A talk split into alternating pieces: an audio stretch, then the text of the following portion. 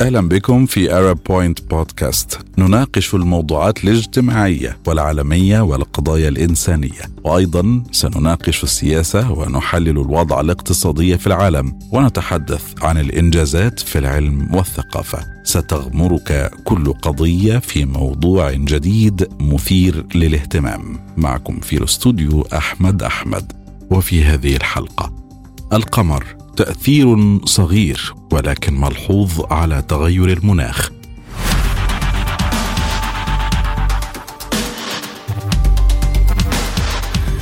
يبدو أن القمر له تأثير ضئيل على مناخ الأرض المتغير والذي يمكن أن يتسارع إلى النقطة التي يتم فيها اختراق هدف المناخ العالمي بخفض حرارة الأرض واحدا ونصف درجة مئوية. تتغير زاوية المستوى المداري للقمر بالنسبة لخط الاستواء في دورة يمكن التنبؤ بها مدتها 18 عاما فاصل ستة ولكن لم يكن معروفا تأثير ذلك على درجات حرارة سطح الأرض. وفي دراسة نمذجة وجد باحثون أن الدورة سيكون لها تأثير تبريد متواضع على متوسط درجات حرارة سطح الأرض هذا العقد. تليها درجة حرارة طفيفة في ثلاثينيات القرن الحالي. ويمكن لهذا النمط أيضا أن يفسر جزئيا التباطؤ المزعوم في ظاهرة الاحتباس الحراري في العقد الأول من القرن الحادي والعشرين. ويعتقد الباحثون أن هذه الدورة تغير كيفية تأثير المد والجزر على الاختلاط بين المياه الأكثر دفئا على سطح المحيط والمياه الأعمق والأبرد ما يغير معدل امتصاص المحيطات للحرارة. يقول الباحثون إن الحجم المقدر لكل من تأثير التبريد والاحترار حوالي أربعة من مئة درجة مئوية وهذا أقل بكثير من التحول من نمط طقس النينيا البارد الذي يشهده العالم حاليا إلى ظاهرة النينيو الاحترارية كما يلاحظ. يضيف تأثير القمر تفسيرا آخر لسبب ارتفاع درجة حرارة القطب الشمالي بشكل أسرع من بقية الكوكب بسبب بنية المياه هناك. أيضا تزامنت مرحلة التبريد للدورة القمرية مع فترة الاحتباس الحراري في العقد الأول من القرن الحادي والعشرين والتي كانت أبطأ من النماذج المتوقعة في ذلك الوقت. يقول الباحثون إن الدراسة لا تقدم أي ذريعة لمنكري تغير المناخ لإلقاء اللوم على القمر في الاحتباس الحراري كما فعل البعض مثلا مع الشمس فالتأثير ضئيل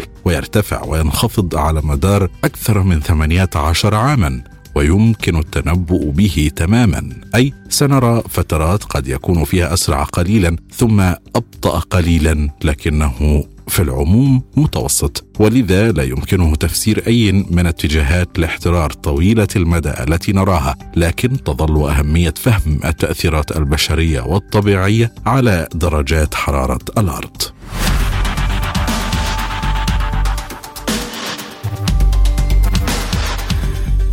تم الآن العثور على جميع اللبنات الأساسية الأربعة للحمض النووي في النيازك ما يشير إلى أن الصخور الفضائية ربما تكون قد أوصلت هذه المركبات إلى الأرض ما ساهم في نشأة الحياة. يحتوي الحمض النووي على هيكل سلم حلزوني حيث تتكون كل خطوة من أزواج من الجزيئات تسمى القواعد النووية. تم اكتشاف اثنتين من هذه القواعد الأربعة وهما الأدينين والجوانين للمرة الأولى في النيازك في الستينيات. الآن اكتشف باحثون القاعدتين النوويتين المتبقيتين للحمض النووي وهما السيتوزين والثيامين. في العديد من النيازك التي ضربت الأرض في منتصف القرن العشرين وتعود إلى ما لا يقل عن خمسة مليارات سنة. استخدم العلماء الموجات فوق الصوتية لفصل الجزيئات إلى طبقات ثم استخدمت المجموعة البحثية مقياس الطيف الكتلي لتحديد المركبات وفقا لوزنها الجزيئي.